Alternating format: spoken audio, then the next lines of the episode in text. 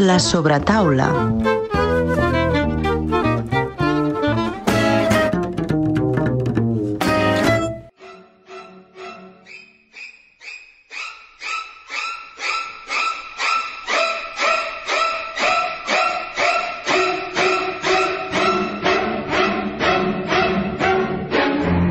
De Barcelona, es diu Javier Parra i en la darrera edició del Festival de Cinema de Sitges, aquest jove de 34 anys va presentar el llibre La madre terrible en el cine de terror, un estudi impulsat per l'editorial Hermenaute que es capbussa dins els orígens i l'evolució de l'arquetip de la mare terrible a través de personatges tenebrosos, enigmàtics de la història. Des de mares, madrastres i bruixes de llegenda, en una època on els mites servien per explicar el món, fins al nostre present més cinematogràfic, on el cinema sembla tenir la última paraula. Avui Javi Parra ens parla de Mares Terribles i de passada ens recomana una bona marató de pel·lícules per a un Halloween ben confinat.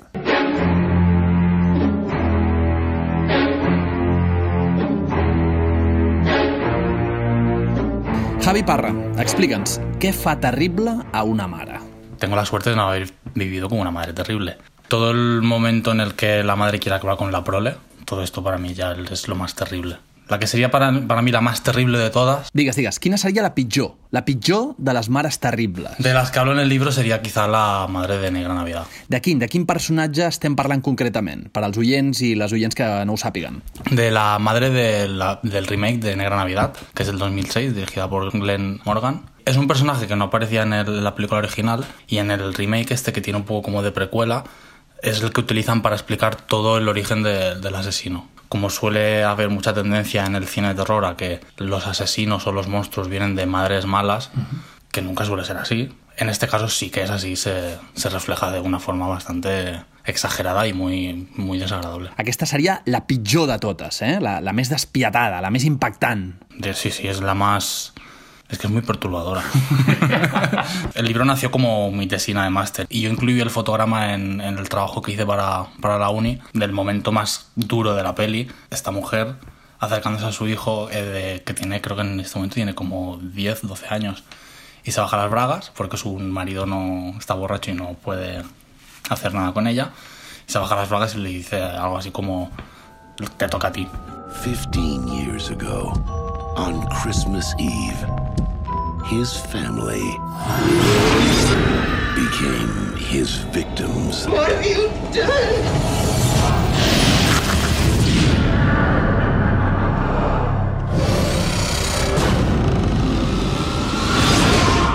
Now, All roads and airports are officially closed. This one is not going to let up. a group of college friends That sucks. Everyone should be home for Christmas. are about to discover Lauren, opening up presents. Why don't you open the present we got you? their house I got it. is his home. All is calm, all is bright. El- el- es una escena muy gráfica de unas piernas, el, el niño y la baja. Una cosa muy. Hardcore. Puro hardcore de terror. Escolta, i què passa amb la millor mare de totes? Què passa amb la mare bondadosa, amb la mare tipo, no sé, eh, Jane Darwell a Les uves de la ira de John Ford? Aquesta mare del poble que sempre tira endavant... O sea, el, el eterno arquetipo de la, de la mujer benefactora que cuida a sus hijos, que el ángel de su hogar, es una buena madre, una buena esposa, que es el arquetipo que está un poco, podemos decir, un poco desfasado. Per cert, Javi, una de les coses que m'ha cridat l'atenció del teu estudi és que parles de la mare terrorífica a partir d'una estructura iconològica, una estructura simbòlica, que es remunta als estudis de Carl Jung. Com és que recuperes a Jung per parlar de cine de terror? Com és això? Eh, yo quería hacer una cosa sobre terror y una película que me había alucinado hacía poco era Babadook. Y entonces me surge la idea de hacer algo sobre maternidad. Y una de mis profesoras del máster Núria Bou. me recomienda mi CLT, símbolos de transformación de Jung. Claro, LT es, un buen tocho, hasta que encontré la parte en la que Jung habla de, mitos de creación y del arquetipo de la madre, esta idea tan que todo el mundo lo asocia directamente a Freud, todo esto de las madres malas i les pulsions sexuales. Clar, inevitablement el primer que pensem en qüestió de pulsions sexuals és en Freud, eh? sempre apareix Freud, en desitjos reprimits, psicoanàlisi i tot això. Però tu, en canvi, vas optar per una figura essencialment materna com a entitat terrible i per això vas acudir a les categories de, de Jung. Porque veo toda su, su ramificación que él utiliza para hablar de toda esta arquetipología de madres y veo que cada una de ellas la encaja dentro de, de un mito clásico, habla mucho de, también de literatura, etc. A la que yo empiezo a hacerme el listado de todas las películas de, que incluyen a madres terribles, empiezo a darme cuenta de que todas ellas me encajan cada una en uno de sus, de sus catalogaciones. Él empieza hablando de la figura de la lamia, que ya proviene de, incluso de la Biblia. I què és una làmia? Según la mitología griega son como una especie como de demonios femeninos que lo que hacían era pues, que se llevaban niños. ¿Te sonará el nombre de Lilith? Sí, Lilith, el nombre hebreo de la primera mujer de Adán que, que fue anterior a Eva. Entonces, después de Lilith, que es como la primera mujer que ya engendra a los demonios, de ahí proviene luego la figura de la lamia, que está presente en muchas, muchas mitologías, pues, sobre, todo, sobre todo en la griega. Jo, sobretot, quan penso en Lilith, em venen al cap representacions pictòriques. La, la Lady Lilith prerafaelita, pintada per Rossetti, que jo crec que és com molt, com molt icònica, eh, que és una mescla entre sensualitat, misteri... William Blake. És una imatge de, de temptació, és una imatge de mort. William Blake también la representa. Exacto, esa visión más romántica, más diabólica de Lilith. Ah, también muy asociado a la figura de la vampira, a la vez asociado a la figura de las hechiceras, de Circe, de Medea. Clar, clar, la figura de la bruixa, la, de, de la dona que està en contacte amb el món d'allò ocult, d'allò fosc. Hay un- una parte en Símbolos de Transformación de Jung en la que también menciona el, el arquetipo de la madrastra. Puede saltar a los cuentos de, de los hermanos Grimm, donde están estas figuras de las brujas y las madrastras. Clar, clar, m'estic adonant que en totes aquestes representacions, bruixa, madrastra, dona satànica, temptadora, la... és com si la dona compartís un mateix estigma, una mateixa càrrega d'acusació que sobretot sobretot ve donada per una mirada masculina que la rebutja, que la Sí. condemna a l'infern... Y sobre todo esta feminidad eh, nocturna. Hay una parte, una parte muy curiosa de eh, Jung, habla de, de etimología, de dónde vienen las palabras. Yegua en alemán es mare. Todas estas palabras que son mar, madre, muerte, pesadillas, todas tienen la misma raíz. Hòstia, que bo! Claro, entonces esto da un poco de pensar de que la palabra que de mar, que puede estar relacionada con pesadilla, con caballo, que los caballos también están asociados a una, a una especie de arquetipo onírico. ¿Sabes el, el cuadro de la pesadilla? Sí, de Fusli. De Fusli, que está la mujer, el, el sucubo encima y detrás sale un caballo. Los caballos salen mucho asociados a este tema de recurrente de pesadillas. Doncs mira, Javi, justament, justament em ve al cap una imatge de cavall fantasmagòric molt potent que apareix a la pel·lícula Muda el viento de l'etapa Hollywood del director suec Víctor Sjöström i on trobem a l'actriu Lillian Gish eh, Lillian Gish, aquella famosa actriu que treballava amb Griffith doncs eh, en aquest cas s'ha anat a viure a les grans esplanades de l'interior dels Estats Units i allà li expliquen la llegenda d'un gran cavall que galopa entre els núvols i que és el causant del vent del nord. És, és com un cavall de llegenda que, que obliga la gent a tancar-se dins de casa, una mica com en el, el moment que estem vivint ara, però, però amb tota aquesta càrrega de superstició. Mira, esta peli la vi durante la carrera. Y es verdad, lo del caballo, pues de ahí tienes la asociación también, del- de, la imaginación, de como este, este mundo como de pesadilla, como muy raro, porque un caballo realmente no da miedo, tampoco... Clar, aquí està el tema, és que avui en dia no associem un cavall eh, aquesta imatge fantasmagòrica i oculta de malsona, a menys que ens hagin pres alguna cosa, eh? però en principi no, no l'associem. Tiene ahí una... que bueno, al igual daría para hacer otro libro. Por ejemplo, oye, ¿por qué no? Mira. Sí, sí. Ja ho sabeu, editorial, si ens esteu escoltant, preneu nota. Per cert, fa uns anys vaig veure el remake de Suspiria, de Luca Guadagnino, en la sessió inaugural del Festival de Sitges. I em va cridar moltíssim l'atenció una frase que es llegeix sobre un cartell domèstic a l'inici de la pel·lícula que diu així.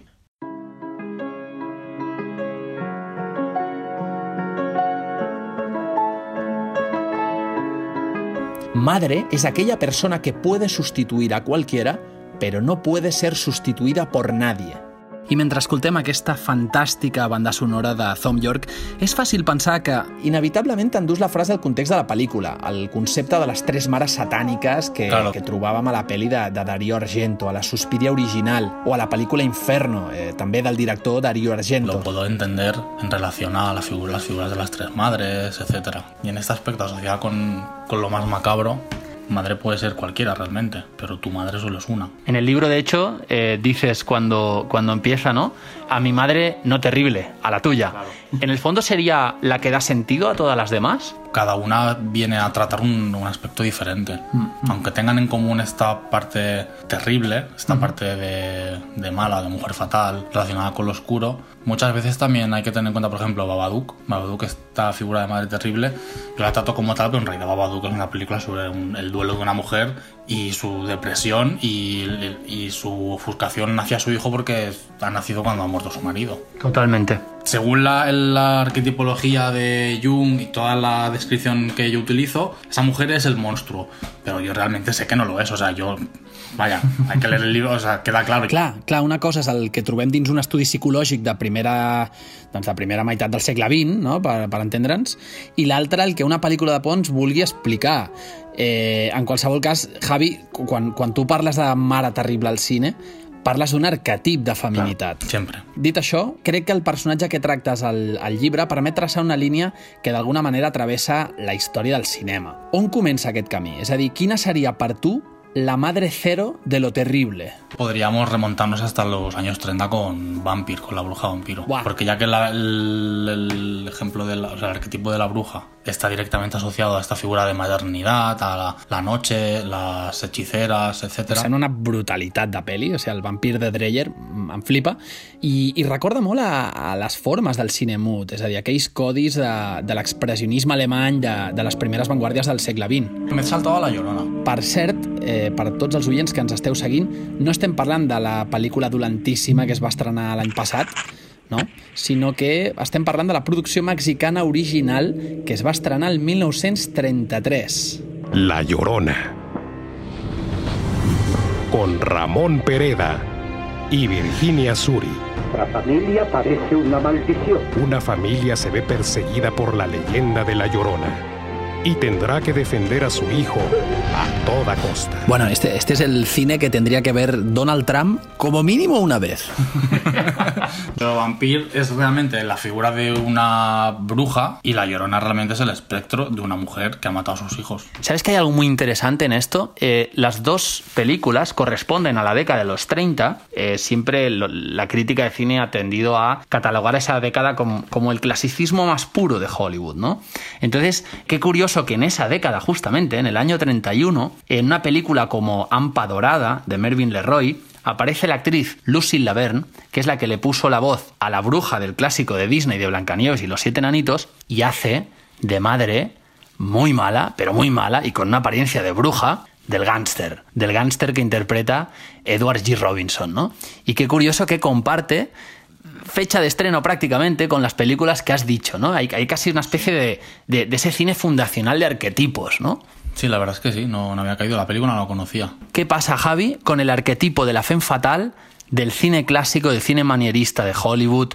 Eh, esa, esa mujer que, que por un lado eh, puede dar una sensación de- como de emancipación, pero por el otro es tachada casi como, bueno, casi no, como una puta, como una persona devora hombres. ¿Cuánto hay de madre terrible en la femme fatal de Hollywood, Javi? Si tienes en cuenta que la femme fatal se puede asociar al, al- al mito de Lilith, porque todo viene de allí, el mito de la mala mujer, que el cielo la juzgue, peliculón, con esa Jim Tierney intoxicada de celos, esa imagen de rabia, de, de desesperación.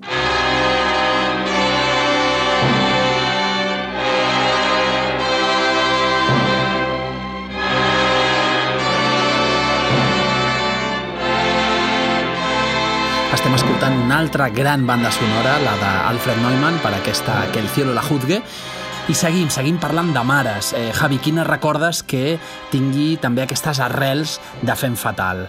la femme fatal siempre es- aparece en, cine negro, melodrama. Claro, una femme fatal madre terrible. Claro, es que al igual ya nos iríamos a, a Joan Crawford en, en el, caso, el caso de Lucy Harbin, a lo mejor. Otra gran pel·lícula de Hollywood. When I put those clothes on, something happens to me.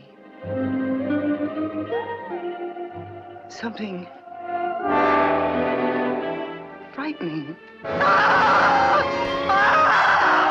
I entre els crits de Joan Crawford a El caso de Lucy Harbin, aquesta pel·lícula que esmentava el Javi, una pel·lícula, per cert, de William Castle, guionitzada per Robert Bloch, que ens situa ja a la dècada dels 60 i on trobem una altra gran pel·lícula que precisament adapta una novel·la del mateix Robert Bloch.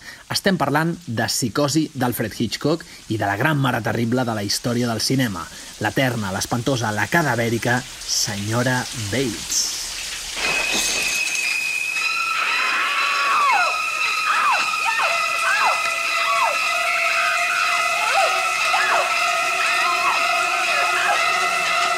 La primera, Madre Terrible, per se.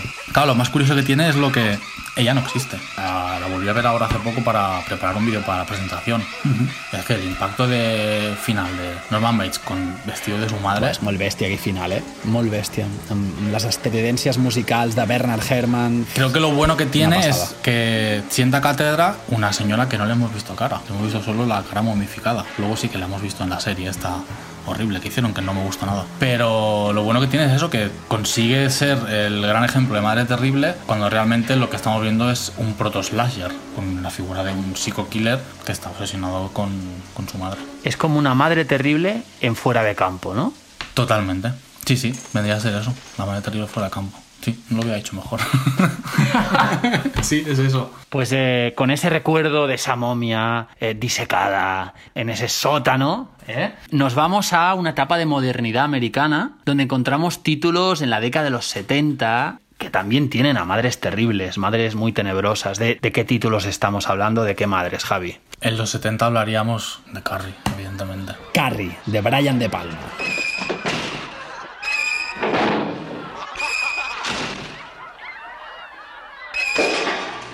Carrie tiene una de las mejores madres terribles del cine. También tiene mucho que ver con la interpretación, porque Piper Laurie está maravillosa. Es una pasada. Incluso en el remake Julian Moore lo hace muy bien. Y aparte el enfrentamiento de este terror católico, de la madre que es la radical con, con la hija que es como que no sabe lo que es. O sea, Sissy Spacek no sabe lo que le està passant. És muy perturbadora, esta mujer. Amb aquell pijama llarg i blanc eh, i, i el ganivet a la mà fent el, símbol de Crist, que és, és brutal. És, un pel·lícula. Y yo creo que la gente, la hay poca gente que no haya visto Carrie, pero tú a una persona de hoy en día le pones Carrie, vamos, pongo la mano en el fuego, a que uh -huh. esta persona puede considerar que esta figura materna es muy complicada y muy perturbadora por el hecho de que realmente hay gente así. Total. Yo creo que eso es lo que da realmente miedo. O sea, radicales religiosos siguen habiendo. Que es un personaje como, que es muy real, que podría ser tu vecina, la del cuarto, que tiene una hija que nunca sale a la calle. Perfectamente. Estem parlant d'un terror que reconeixem, que es correspon a la perfecció amb la caspa, amb la caverna, amb, amb un conservadorisme tòxic que, bueno, que malauradament encara està present sí, sí, es en la porque. Y, bueno, ¿no? yo, yo, he conocido mujeres así. Yo tenía una madre de una compañera de instituto que era así o peor. ¿Sí o no? Daba mucho miedo.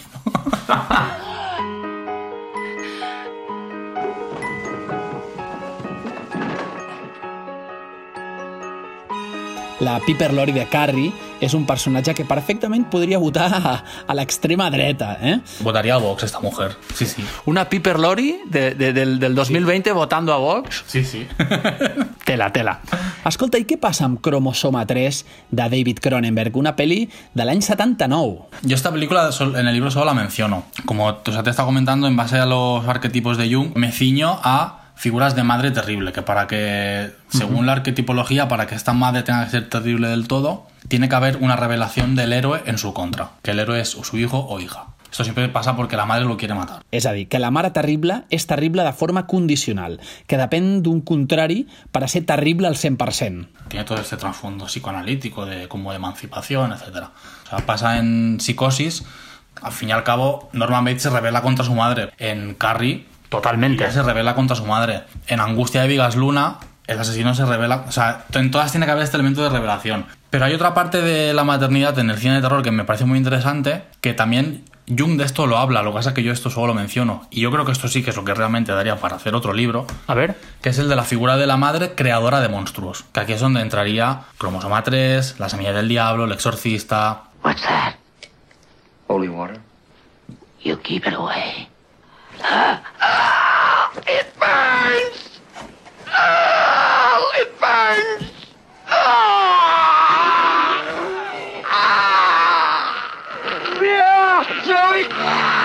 Incluso Alien.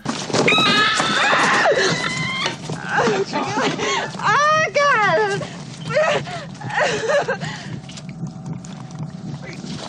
Oh, no, no, no! Don't touch it! Don't touch it!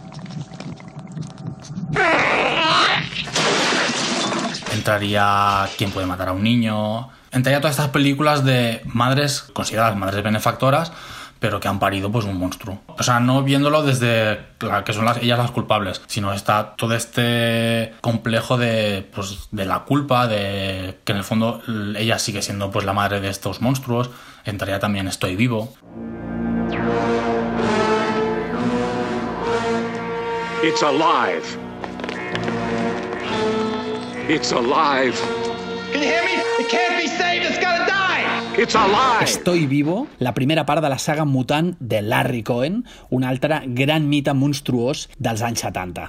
Escolta, i què passa què passa amb la mare del psicòpata Jason, eh? amb la mare de Viernes 13? ¿Ella es una madre terrible o no lo es? Buena pregunta. Realmente no, porque ella simplemente. Ella solo se está vengando. Ella es un, ella es una psicópata, pero ella no es una madre terrible, ella solo está vengando la muerte de su hijo. Es la madre vengadora. Yo de ella hablo en el libro como esta figura de la madre disecada, como la madre de Norman Bates, porque en Viernes 13, la segunda parte, aparece la cabeza de la madre disecada, que la tiene Jason en un altar. La señora Borges no, no es una madre terrible, es una puta psicópata, pero no es. Ella es buena madre porque está vengando a su hijo. Encanta cuando decimos Borges, inevitablemente eh, suena a Borges, como de Jorge Luis Borges. Pero no, es Borges de, pues de Jason Borges. La señora Borges, la de Jason el Memorioso.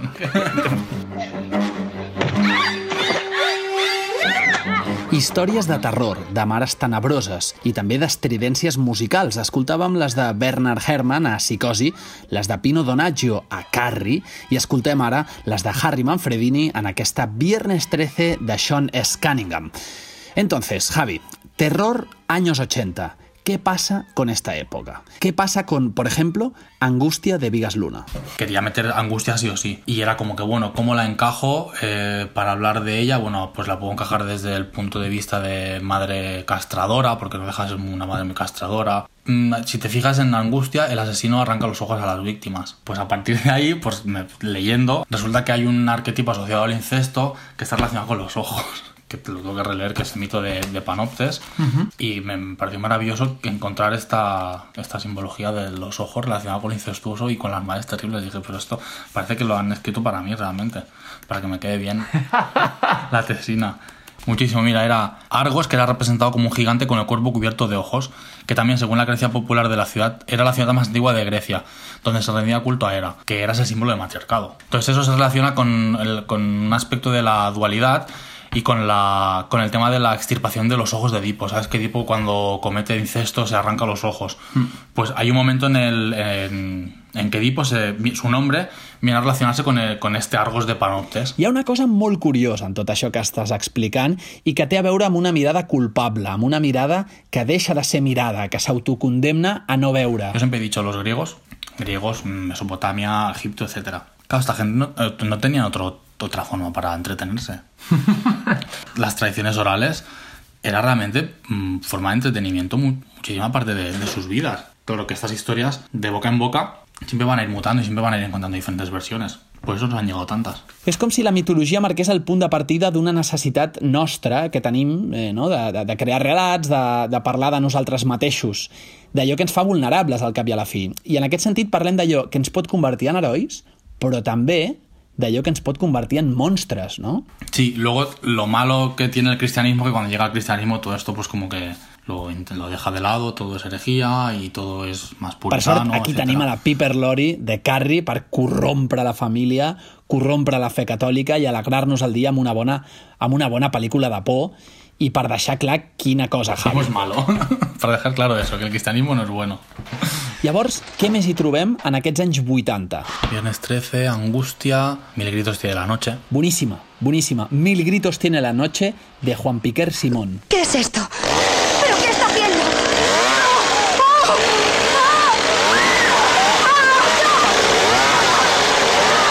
Residencia, que nos la hemos saltado, de Chicho Ibáñez, que es del ¿También? 69, que también es un ejemplo de madre terrible, muy a lo castradora, en plan la madre de, de Norman Bates.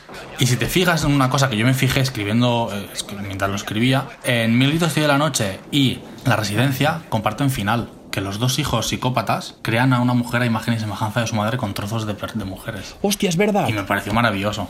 Per cert, Javi, tu quants anys tens? 34. Clar, això significa que el cinema estrenat durant els anys 90, si no el vam veure estrenat, com a mínim, com a mínim, en sona el cartell, eh, inclús algun tràiler de l'època. Pensa que jo sóc del 88, és a dir, tu i jo pràcticament, dir, a part del cinema i de la passió pel cinema, compartim generació i compartim nostàlgia cinèfila per una mateixa època, eh? per un cinema de terror que o vam veure com s'estrenava o el vam recuperar poc després al videoclub. Quines serien, per tu, les grans mares terribles d'aquella època, d'aquells anys 90 de la nostra infància? Piensa que yo la primera peli de terror que veo en el cine es lo que hiciste ese último verano. Del año 97. Scream no llegué porque, porque era como muy pequeño todavía. Pero, y justo coincide cuando yo me empiezo a comprar la, la revista Fotogramas y empiezo a leer críticas y empiezo a ver reportajes sobre cine de terror.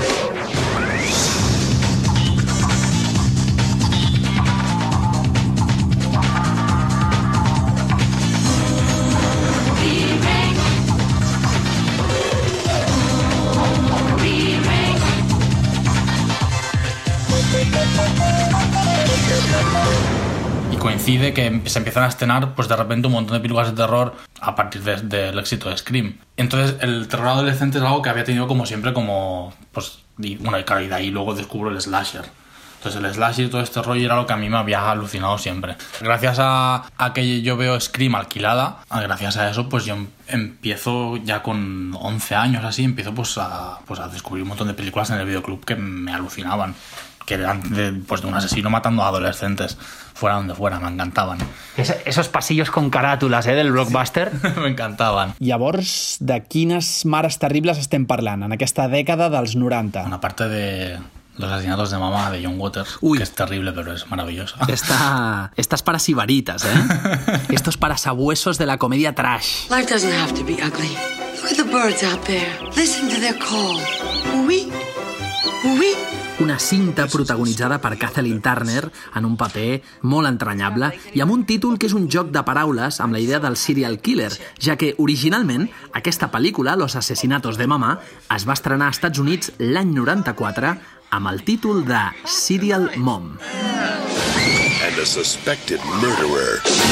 Oh, kids, are you doing your homework? How did America's number one mom turn into one of America's most wanted? Is she really guilty? Are you a serial killer? Què més, què més hi tenim en aquests anys 90? Destacaría pues a la señora a la señora Loomis, la madre de Billy, de, es la asesina de Scream 2. Scream 2, de l'any 1997, un territori marcadament mainstream i de franquícies. Hola, Sidney. ¿Te acuerdas de mí? ¿qué quieres? Llegó la hora, amiguita. ¿No sabes que la historia siempre se repite?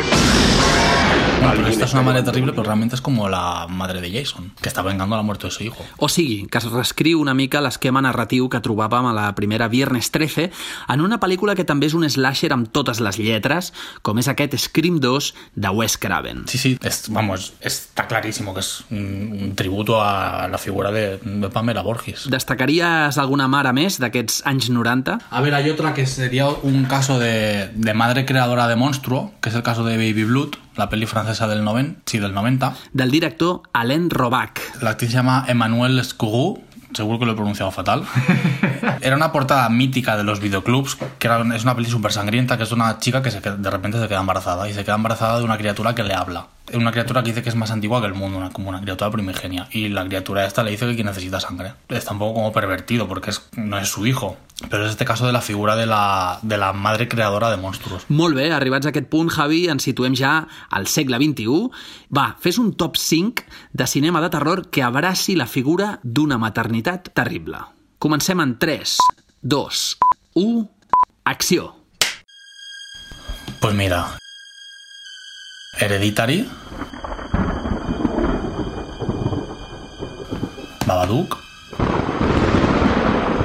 Hay una peli que me parece muy interesante que es Pyewacket, de Gran Navidad, que es la, la que tenía la madre más chunga. Y la tengo, la tengo. Claro, al interior. Hereditary, Babadook, Paiwacket, Negra Navidad i a l'interior. Déu-n'hi-do, Déu-n'hi-do. Molt bé, doncs ara vull, Javi, que tris una d'aquestes pel·lícules i la comentis. Ens expliquis als oients de l'empanada cultural què la fa especial. Pues mira, al interior, aparte porque es un bombazo de película. No, La original, ¿eh? No el remake de Vivas. No, no, eh, no, no, la original, sí. Tiene, aparte de que ser un ejemplo clave del New French Extremity, que es una ópera prima brutal, que tiene un gore maravilloso. Es un home invasion, es un slasher, pero realmente de lo que te está hablando es de, de esa figura de la mujer de negro de Beatriz Dale, que encima no tiene nombre. Podría ser una parecida a la de la señora Borges o a la madre de, de Billy en Scream 2. És una mujer que està buscando venganza porque su hijo se ha muerto. Aquesta dona que va perdre el seu bebè i que vol segrestar-ne un arrencant-lo del ventre d'una dona embarassada. És una absoluta barbaritat. Muy chungo y muy... Es de mis favoritos de, de villanas del cine de terror, eh, te diría. Bueno, déu-n'hi-do, déu nhi déu el repàs que hem fet a través de la història i també et diré, Javi, que això posa sobre la taula el fet de que no hi ha una única història del terror, sinó que n'hi ha vàries. Com deia Godard, no existeix una única història del cinema, sinó que n'hi ha moltes, tantes com tu puguis traçar. Nosaltres hem dibuixat una a partir d'un arquetip concret, però a mi m'ha quedat una cosa pendent que segurament també s'hauran preguntat els nostres oients més fanàtics del terror i la ciència-ficció. Què passa amb la reina mare de Aliens El regreso de James Cameron?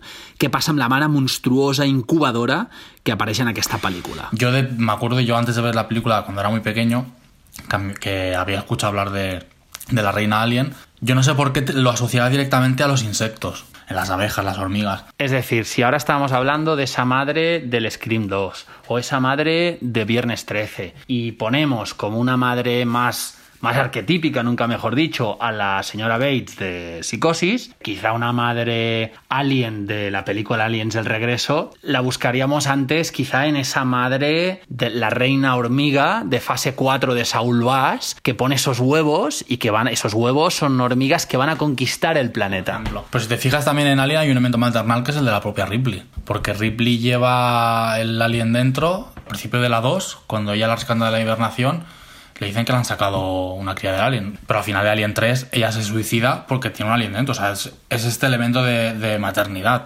Yo creo que también puede estar muy asociado por, por esta parte, que entonces en ese caso entraría en el ejemplo de, de- de madre creadora de monstruos. Incluso recuperando lo que estás diciendo, a la Numi rapaz de Prometheus Le hacen un aborto. Bueno, se, hace, se, au- se hace ya un aborto ella misma. Exacto, exacto, una, una autocesárea para, para extraerse aquel bicho. Claro, aquí entramos en todo este rollo de la ciencia ficción y terror, que son dos géneros que se han ido muy de la mano. Por ejemplo, en Demon Seed, que no me acuerdo cómo se llama aquí, la de Julie Christie, creo que se llama Alejandro Mecánico, que trata sobre eh, una mujer secuestrada en su propia casa por, por una inteligencia artificial.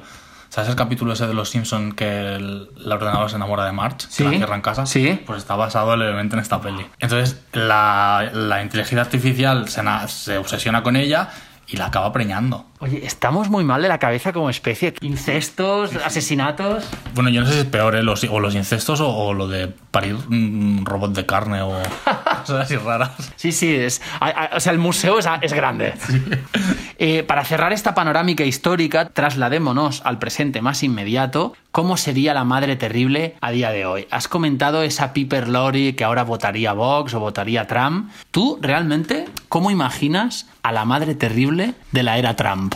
Pues muy real. Mira, voy a remitirme a otra peli. ¿Te acuerdas de Red State de Kevin Smith? Sí. Todo empieza con estos dos chavales que se van supuestamente a tirarse a una mujer mayor, que es la que les tiende la trampa, pues me la imagino así. O sea, lo- los niños en busca de la MILF y, se, y se encuentran con el demonio. A mí resulta que es una, una radical religiosa que vota a Trump y que tiene muchas escopetas en su casa. Te pones a mirar en el cine, sobre todo en el cine de terror y en el American Gothic y tal, te vas a encontrar ejemplos desde ahora hasta atrás y sin hablar de madres terribles. Mm, ¿Cómo podría ser la matriarca de la familia de la matanza de Texas? Doncs mira, ja que comentes La matanza de Texas, de Toby Hooper, et rescato una pel·lícula que crec que la recupera bastant i que vaig veure durant aquest festival de Sitges. Es titula Honeydew. La vi, És el la vi. debut en la direcció d'un tal Deborah Milburn, eh, pel·lícula americana, i també, ojo, també és el debut de l'actor Sawyer Spielberg, que, evidentment, és fill de Steven Spielberg. Hansel y Gretel contra la matanza de Texas. Un crossover ahí, loco. Eso es, o sea, la figura de la, de la mujer de, de Honeydew vendría a ser un poco esto, es como el, el arquetipo de la, de la bruja de Hansel y Gretel, pero un poco reconvertido en la matriarca de, una, de un clan de rednecks. Podría ser claramente pues, una- también una señora que vota a Trump O no, yo creo que esta da igual ni vota esta señora. ya le da igual. Pero sí, o sea, es este, este- esta América así como... Que no hace falta irse a América tampoco. Pero como hay algo muy profundo y muy maligno. Esa, esa visión muy setentera, ¿no? Sí, sí, sí. Javi, de cara als lectors i les lectores, a quin públic va adreçat el teu nou llibre? A gente que le guste el cine de terror o tenga interés por eh, descubrir películas de terror que no conocían y también a gente que le gusta la mitología. Que, que, que está todo ligado. Claro, es que eso o sea, es una buena forma de darte cuenta de que muchas cosas que están ligadas. I què passa amb els lectors en general? És a dir, què passa amb la gent que no està acostumada a llegir assaig? Què els hi diries perquè compressin el llibre? Pues es gente que se va a dar cuenta de que si pensaban que el terror no era una cosa como para, para hacer un buen estudio, se van a dar cuenta mm, como de a partir de diferentes elementos clave de la mitología y que por ende son parte de nuestra cultura, están presentes en muchas representaciones de cine de terror que van mucho más allá de sangre y vísceras. Y además haces un repaso hasta ahora. El repaso sí se acaba en 2019. Hereditary, Pyewacket y ahí incluso la película de La Llorona. También habla la última adaptación que se hizo. Per cert, per cert, és el teu primer llibre publicat en paper, oi? Segundo. El primero es un libro que publiqué con tres colegas, que son Antonio Rosa, Jorge Luser y Xavi Sánchez Pons, que es Terror en serie. Hacemos una recopilación de series de terror desde Alfred Hitchcock Presenta hasta Sabrina. Escolta, i ara que hi penso, no és fàcil avui en dia que et publiquin al- alguna cosa en paper. Ho sabem nosaltres, que escrivim a internet i sabem el que costa fer-se un lloc dins la crítica de cinema. Un cop et publiquen en paper, eh, hòstia, és un, és un salt endavant. Qui- Quins avantatges et dona? A ver, realmente ventajas ahora mismo he visto pocas porque las ventajas económicas aún no, aún no están dando muchos frutos. Pero aparte de, rellenar currículum, que es una cosa que está muy bien, sirve para, en mi caso, yo esto es, es un tema que hablaba con, con un amigo de Madrid, que realmente a mí el, el terror, ha habido veces en mi vida, tampoco me quiero poner muy dramático, pero hay veces que es como que el terror me ha salvado la vida. Pues en momentos que he estado peor o que no he estado del todo bien, a mí el terror me ha ayudado. O sea, yo con el terror he sido feliz. Todo lo que sea ahora mismo, pues poder divulgar el terror. Yo aparte, yo en mi cuenta de Twitter estoy, o sea, todos los días estoy hablando de pelis de terror, porque yo todos los días veo pelis. Todo lo que sea, pues hablar de cosas que te gustan y, y que te motivan, pues siempre está muy bien. El terror que et salva, molt interessant. Eh? Terror com a, com a evasió terapèutica. Hi ha una frase boníssima que es va fer famosa als anys 80 en plena efervescència de, pues, de la música electrònica, de l'ambient així més de, de club, de discoteca, que deia així Last night a DJ saved my life. En el teu cas, Javi, podríem dir Last night horror movies saved my life? Sí, sí, sí. Sería, eso podría estar puesto en mi tumba perfectamente. Recordeu que La Madre Terrible en el cine de terror s'ha publicat a través de Hermenaute, que és l'editorial del llibre oficial dels festivals de cinema de Sitges i de Molins de Rei. Per què publicar amb Hermenaute i no amb un altre editorial? Pues porque fueron de los pocos que me contestaron, realmente, voy a ser sincero. Yo tenía la tesis, mi tesina estaba hecha, o sea, si lo ves ahora, todavía tiene ese pozo como muy académico, que realmente es porque el, el el libro nace de una tesina. Y Hermenaute fueron los primeros en contestar y con más entusiasmo. Luego también me contestaron de más sitios, pero el feedback que tuve por parte de ellos y me dio como muy buen rollo. Tienen en su haber otros... Aparte con ellos inauguré la nueva colección de ensayo, que es Micro, que mi libro es el número uno, entonces es un honor. Enhorabuena. es un honor. Home, s'agraeix que Hermenaute aposti per l'assaig, i més concretament per l'assaig sobre cinema, sobre mitologia... Además, justo que fue que Luis me dijo, dice, mira, dice, justo es que estamos pensando en la nueva colección de ensayo, y dice, es que nos viene genial. O sea, también fue pues el momento adecuado también. No creo en el ni en el karma, ni en estas cosas de, del destino. Son- hay cosas que son fruto pues de casualidades. Porque el- I en què creus tu, Javi? ¿En qué creo? Si tuviera que creer algo, creería en, en Satanás y en los marcianos. Aunque no hasta hay vida más allá. ¿Y hay madres terribles más allá? Seguramente, pero serán, no sé. La madre terrible cósmica tiene que ser eso. tiene que ser. Esto suena a siguiente libro.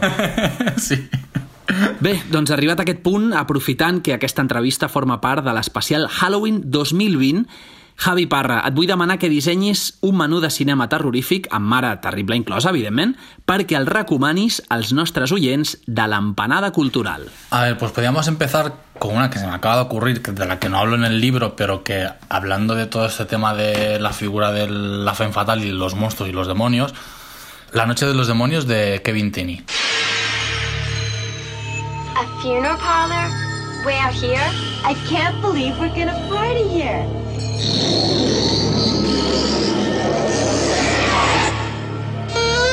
Now it's time for party games. Yeah. How about a past life seance? A seance? What the hell was that? The pure evil. A demon. Seguim omplint l'estómac i embrutant la retina. Va, què toca ara? Pues vamos a seguir con un plato así ya bastante fuerte, que sería Milenitos de la noche, de Juan Piquer Simón. I rematem amb un bon postre. Com tanquem aquest menú terrorífic? Pues vamos con Maniac de William Lustig.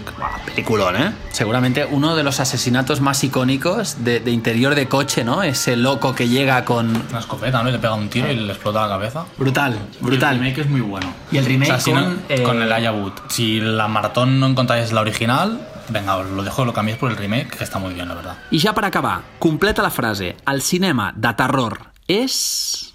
Mi vida. Toma ja. Javier Parra, moltes gràcies. A ti, a ti por la invitación.